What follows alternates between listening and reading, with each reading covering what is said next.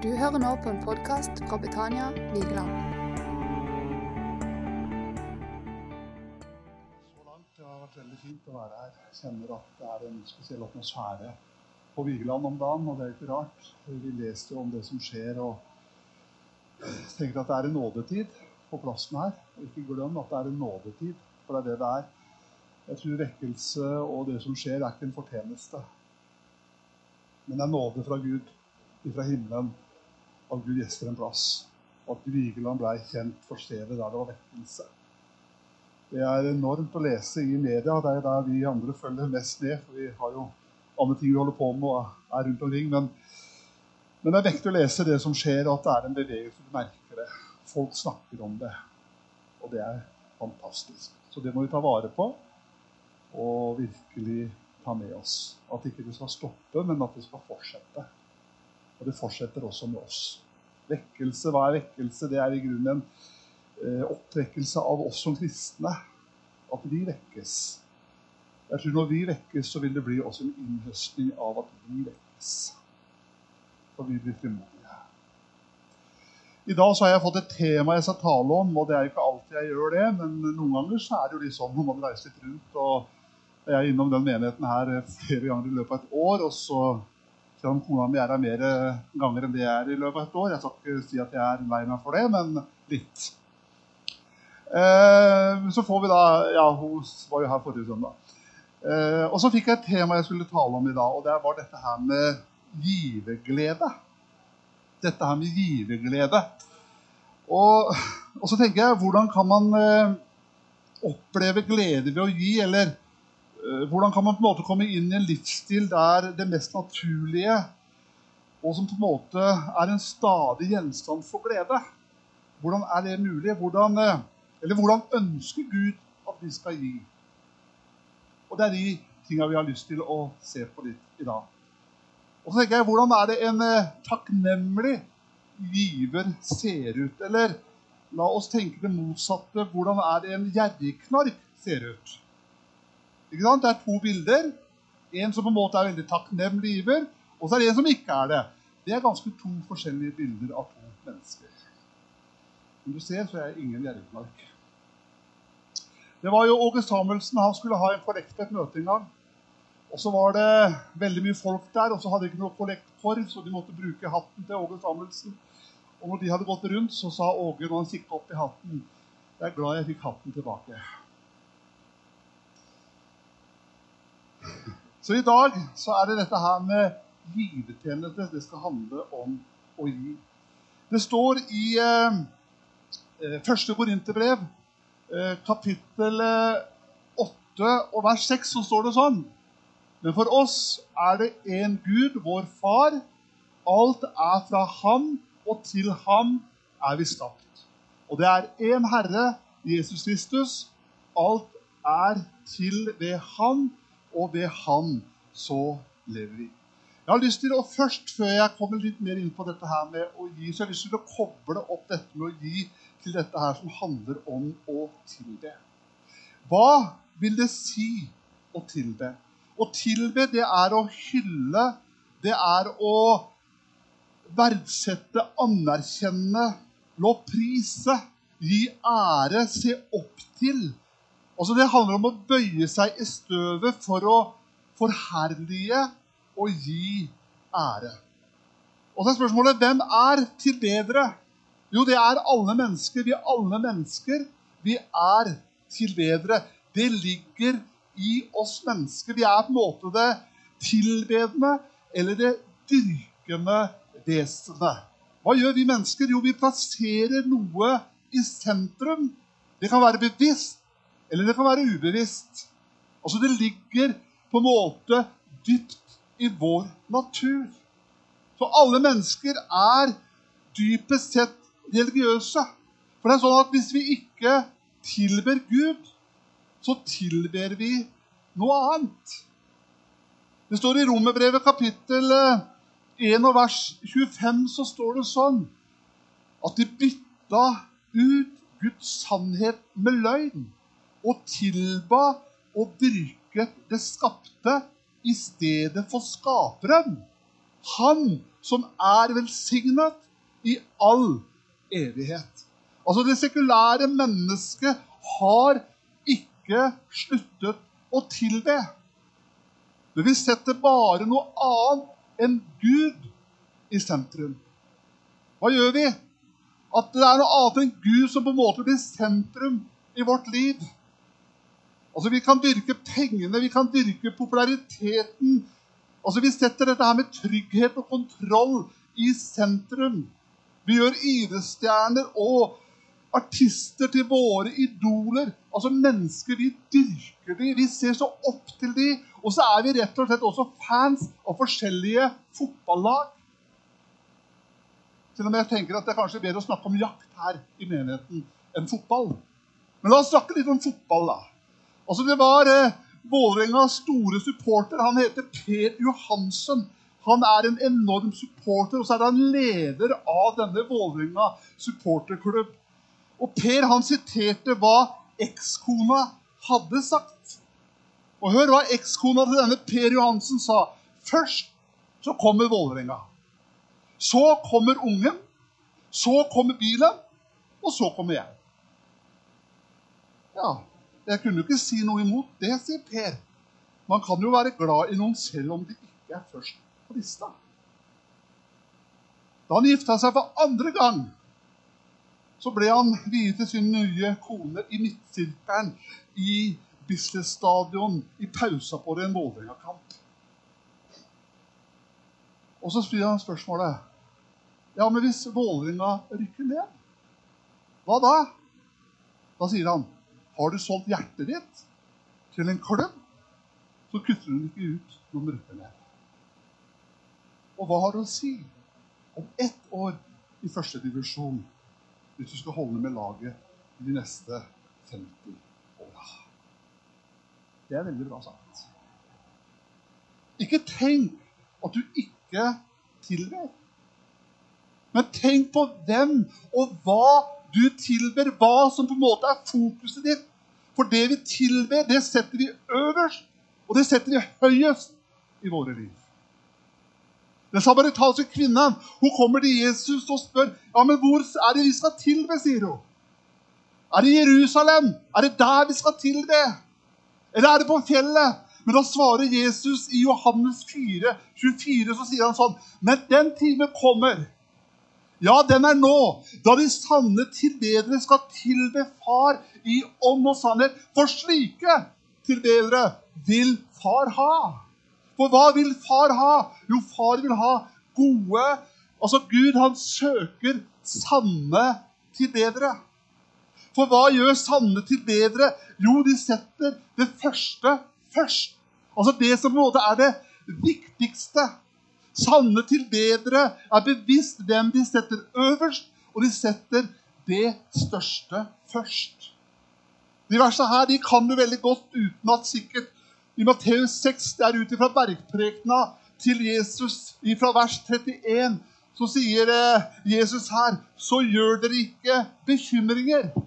Og si ikke 'Hva skal vi spise', eller 'Hva skal vi drikke', eller 'Hva skal vi kle oss med'? Alt dette er hedningen opptatt av. Men den far dere har i himmelen, vet jo at dere trenger alt dette. Og så sier han Søk først Guds rike og hans rettferdighet, så skal du få alt det andre i tillegg. Hva er dette tillegget? Vi kan ofte liksom tenke hva er det tillegget? Hva er det? Men hva sier Bibelen her? Jo, Bibelen sier søk først Guds rike. For hva gjør det vi søker først? Jo, det setter på en måte kurs og retning i livet. Det setter kurs og det gir en ny retning. Hvorfor det? For jeg søker Guds rike først. Vi tilber når vi lovsynger. Til Tilbedelse er ingen musikkstil. Det er på en måte ikke noe sangform, men det er på en måte en livsstil. Vi tilber med hele vårt liv. Herrens bønn, det er en bønn om livet. Hva sier vi? Vår Far som er i himmelen. Altså ikke bare Gud, men far, pappa, Kjære pappa, Abba, far. La navnet ditt helges, la riket ditt komme, la viljen din skje på jorden som i himmelen. Så tenker jeg det handler om den første kjærligheten. For det er en sammenheng mellom tildelelse, altså det å sette det viktigste først. Det er en sammenheng mellom det vi tilber, og kjærlighet. Kjærligheten, hva er det?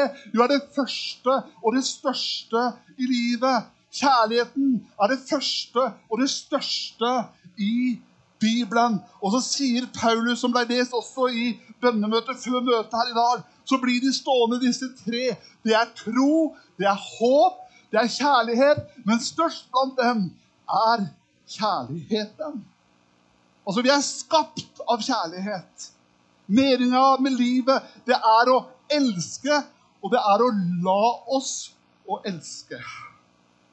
Jesus, hva kom han for?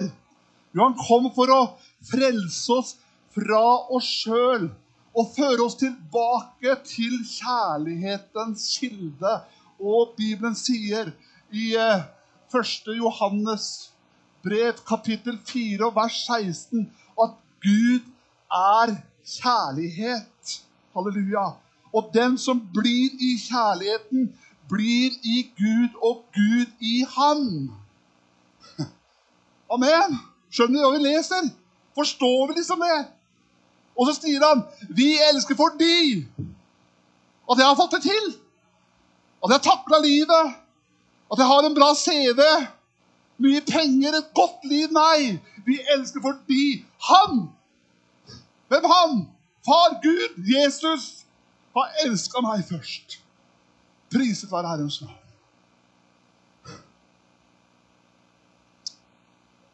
Disse religiøse lederne de var ute etter Jesus hele veien. For å ta han, for å sette ham på prøve. Er det noe vi kan ta han på? De holdt han under oppsikt. De skulle på en måte finne noe å felle han på, så de kunne utlevere han til de romerske myndighetene. De ville jo anklage ham for skattenekt. Så sier han er det tillatt for å også betale skatt til keiseren eller ikke? Men så merka han baktankene deres og sa til dem Vis meg en denar. Altså en denar, hva er det? Det er en dagslønn. Vis meg en dagslønn. Hvilket bilde og navn bærer den? Jo, det er keiseren, svarte de. Da sa han til dem, så gi keiseren det som tilhører keiseren, og Gud det som tilhører Gud. Altså verdens herrer er ikke fornøyd med politisk makt. De vil ha guddommelig makt. De vil bli tilbedt som guder. Hva sier Jesus? Jesus sier, 'Gi de blasfemiske pengene deres tilbake til keiseren, og tilbe Gud og ikke keiseren.' Betal skatt, men ikke gi keiseren hjertet deres. Bruk pengene, men ikke tilbe mammon ikke tilbe mammon. Brevet til de syv menighetene i Lille-Asia. Det er en, på en måte en blanding av eh, bekreftelser og formaninger. Menigheten i Efesus får anerkjennelse for sine gjerninger, sin iver, hva de får til, de er flinke, sin holdning på en måte til ondskapen, sin evne til å avsløre falske apostler. Men det er noe de har imot. Og det er Men dette har jeg imot deg det er at du har forlatt den første kjærligheten. Altså den kjærligheten du hadde til meg, den brannen du hadde, den som på en måte du lå der, den har du forlatt. Tenk på hvor du sto før du falt. Den ånd, og gjør de gjerninger du gjorde før. Altså din første kjærlighet det er ikke bare et spørsmål om fortid, for vi på en måte, må på en måte spole litt tilbake. I hvert fall har jeg det sånn i ekteskapet at jeg må spole tilbake til 5. august i 1955, når Elen kom inn på en måte gulvet i kirka i Kragerø med langt, mørkt, krøllete hår. Hun var så pen, og hun var så nydelig. Og noen som jeg måtte spole tilbake for å kjenne på noe av denne første kjærligheten. Ja, det er bare meg som har det sånn. Nei, det er noe med det. Og kanskje vi har det sånn med Jesus også. At vi måtte må spole tilbake et eller annet sted i livet, noe jeg opplevde en eller annen gang, for å få noe av denne feelingen av den første kjærligheten vi hadde. Noe imot, så gjelder det meg. Jeg Ja, dere har forlatt den første kjærligheten til meg. Nei, hun sier ikke. For den er der. Men den må holdes i live. Den må arbeides med. For den har vært gjennom kriser, vanskeligheter. Den har bare tvinnes bare enda mer og mer, og kjærligheten blir bare sterkere og sterkere. Og Sånn er det også med relasjonen til Jesus. Men mange ganger så er det sånn med relasjonen til Jesus for mange mennesker. Det er noen problemer kommer, noen vanskeligheter kommer. Så går man bort. Man forlater det. Jeg tenker Noen ganger så må det være sånn. Jeg tenker for I et ekteskap, i et kristent liv, i et menighetsliv, da på en måte trekkes vi inn i hverandre igjen. Og så sammen. Det handler om å få denne første kjærligheten og den første brannen som en gang var der. Halleluja. Det første vi høster. For det er en sammenheng mellom tilbedelse og det vi forvalter. Og alle forvaltere, de må prioritere. Hvem og hva kommer først? Så var det lille Kåre som skulle på søndagsskolen. Han fikk alltid to kroner av mammaen sin når han skulle til søndagsskolen. Og som det var, så var det en i kollekten, og så var det en på vei hjem der han kunne kjøpe is. Den ene krona som ble borte, som han mista på vei til kirka, som rulla ned et kumlokk. Og synd, for han hadde bare to. Så tenkte han hvem skal få først nå? Det var leit, sier Kåre, for det var krona di. Så vi lærte allerede fra vi var små, bitte små, at når vi hadde gjester til bords, var det de som alltid skulle få først. Så satt vi andre fire barna rundt som var skrubbsultne og tenkte når predikanten var på besøk hjemme i vårt hus, så tenkte jeg håper det blir noe til oss. Han vet mye, og det ser sånn ut også. Og vi alltid han som skulle få først. Det var alltid noen før oss. Det var alltid noen som var der.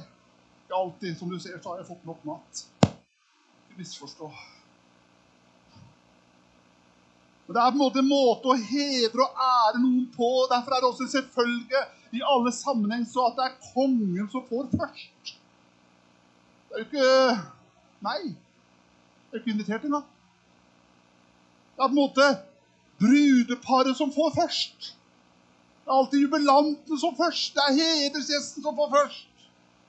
Så videre og så videre. Og så sier eh, andre Mosbok 23, 19 det beste av førstegrøden. Det beste av førstegrøden fra jorden din skal du bringe til Herren din Guds hus. Du skal ikke koke et te i melken fra jorden. Ordspråket 3.9. Gi Herren ære med du eier ved førstegrøden av hele din avling. Så når Isaksfolket kom til Guds hus, så var det med alle førstefødte husdyr av hanskjønn.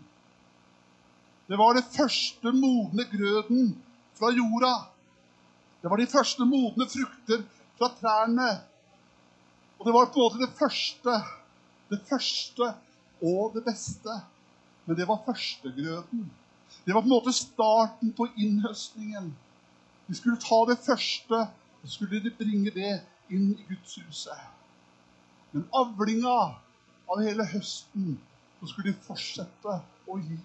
Det var ikke bare der, men de skulle fortsette og fortsette og fortsette. Og Det er sånn at det første vi gjør, det setter en kurs, og det gir en retning. Begynnelsen preger fortsettelsen.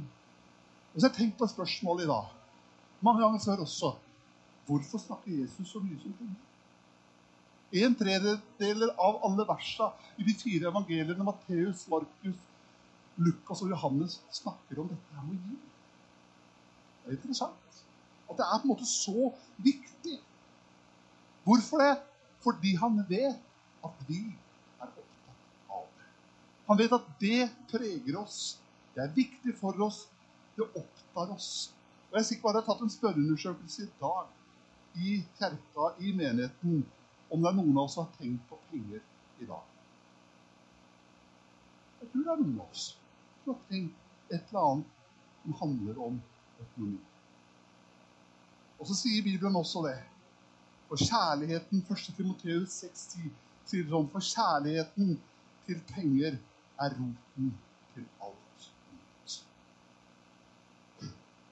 Så hvis alt i denne verden og alt det onde er en direkte og indirekte kan føres tilbake til kjærlighet og penger, så tenker jeg at vi starter alt om det.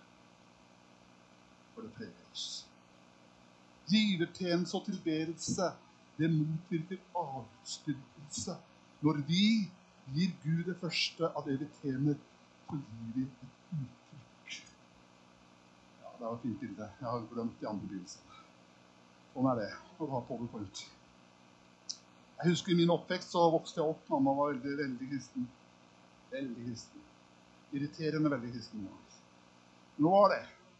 Hun lærte meg veldig tidlig når jeg begynte å få ti kroner i ukelønn. Det er lite. Det var ganske mye når jeg var ung. Så sa jeg nå skal nå jeg, nå skal jeg lære deg noe viktig. Vet du hva det er? Nå skal du ta én krone av de ti kronene og gi korrekt. Det er en fin ting, da. Og så sa hun ja, men så spurte jeg når jeg får 100 kroner mamma, skal jeg fortsatt gi én krone? Nei. Skal du ti. Så det lærte jeg. Det har på en måte ligget i livet mitt. Det har ligget der fra jeg var liten. At jeg på en måte gir. For meg så har det vært 10 jeg har tenkt på en måte inn i Guds rike og Guds menighet. Og så tenker jeg, er det noe jeg må? Nei. Men det er noe jeg ønsker. Og det er noe jeg vil. Jeg tenker at det er viktig å gjøre en tilbedelse til en livsstil slik at vi ærer Gud med hele vårt liv, gir ham det første av vår tid og det vi tjener, og de beste gavene vi forvalter. At vi gir til Gud. Så jeg tenker at det er lurt med en eh, fast givertjeneste. Jeg er sikker på at her i menigheten så er sikkert 70-80 kommer fast over bank hver måned. Det på en måte er mange som er med å gi, det er mange som er med å ofre. Og det er jo helt fantastisk. Jeg tenker at Det er viktig å ha et fast jobb. Tilhøre en lokal forsamling. Det er en velsignelse, men det er også et ansvar. Vi deler velsignelse, vi deler forpliktelser. Vi brenner for mye og gir til mye annet. Men alle som er med i en forsamling, bør ta et økonomisk ansvar i den menigheten som er vårt åndelige. Der vi høster åndelige velsignelser. Jeg tror det er viktig med en fast tid, for Gud er en ordensgud, og han vil også at vi skal ha orden på vår økonomi og vår giverstjeneste. Og Det samlede vitnesbyrdet om forvaltningsstiften handler om planmessig i året. Så er det sånn at De aller fleste utbetalinger skjer hver måned. Og så er det innimellom noen utbytter for dere som holder på med det. Som du legger av til Guds. Det er fint å finne en fast tidspunkt i møtet, uavhengig om vi er til stede eller ikke. Om vi har penger til det. Det handler om å ha et fast beløp. Tiende har sitt utspring i Bibelen. Det er ikke et krav i en nytestamentlig menighet. Det kan likevel være en veldig god tommelfingerregel i forvaltningen og fordelingen av vår inntekt. Ikke som et tap, men som et lov. Paulus han kobler innsamlingen til de nødlidende Jerusalem til søndag. Så står det at første dagen i uken skal hver enkelt av dere hjemme hos seg selv legge til side så mye som dere er i stand til. For innsamlingen ikke først skal begynne når jeg kommer. Så mye som dere er i stand til. Hvor kommer givergleden fra? Hvorfor gir jeg? Er det sånn at noen av oss er født gavmilde? Og noen er på en måte født ikke-vanlig. Det er selvfølgelig noe forskjell på oss. Det ser vi veldig tidlig. I hvert fall de som har barn, har sett det. At det kan være en veldig stor forskjell. Men det er ikke nedsatte emner som er hovedgrunnen til at noen finner stor glede i livet. Nei, gyveglede det oppstår og tennes når du selv er offer. Er det noe vi alle er her inne, er vi alle sammen offer for en enorm livglede fra Guds side. Han som ikke sparte sin egen sønn. Han ga ham for oss andre. For så høyt har Gud elsket verden, han ga sin envårende sønn for at vi skulle oppleve å bli frelst. Ser du Guds liveglede over livet ditt? Evig liv. En evig himmel. Så tenker jeg at det burde skapes en liveglede i ditt og mitt liv. Og det er det fantastiske med oss som mennesker, er at samtlige av oss er utsatt for en enorm liveglede fra vår himmelske far. Og Johannes sier det sånn også at han, av hans fylde har vi alle fått, og det er nåde over nåde. Vi har alle hatt godt av de rike velsignelser som han har brakt oss. Velsignelse og velsignelse som er hopet over oss. Nåde etter den andre. Gave etter gave av kjærlighet. Alltid stadig fått ny nåde. Han har velsignet oss alle med iver, bølge på bølge på bølge av nåde i Jesu navn. Det burde gi oss en grunn til å være med og gi også av vår økonomi inn i rike. Jeg leste et vers her. Jeg vet at denne menigheten er en misjonsmenighet i masse til misjon. Jeg vet jeg har gjort det i mange år. Jeg vet at det er mennesker som har stått på for misjon i så mange år, og Gud velsigne dere veldig. Og så står det noe i ordspråket, kapittel 19 og vers 17. Den som gir til en fattig Vet du hva den gjør? Den låner til Herren. Når vi låner noe til Herren, så er det den beste renten som kan Og tenk det. Vi er med og gir av det vi har, og låner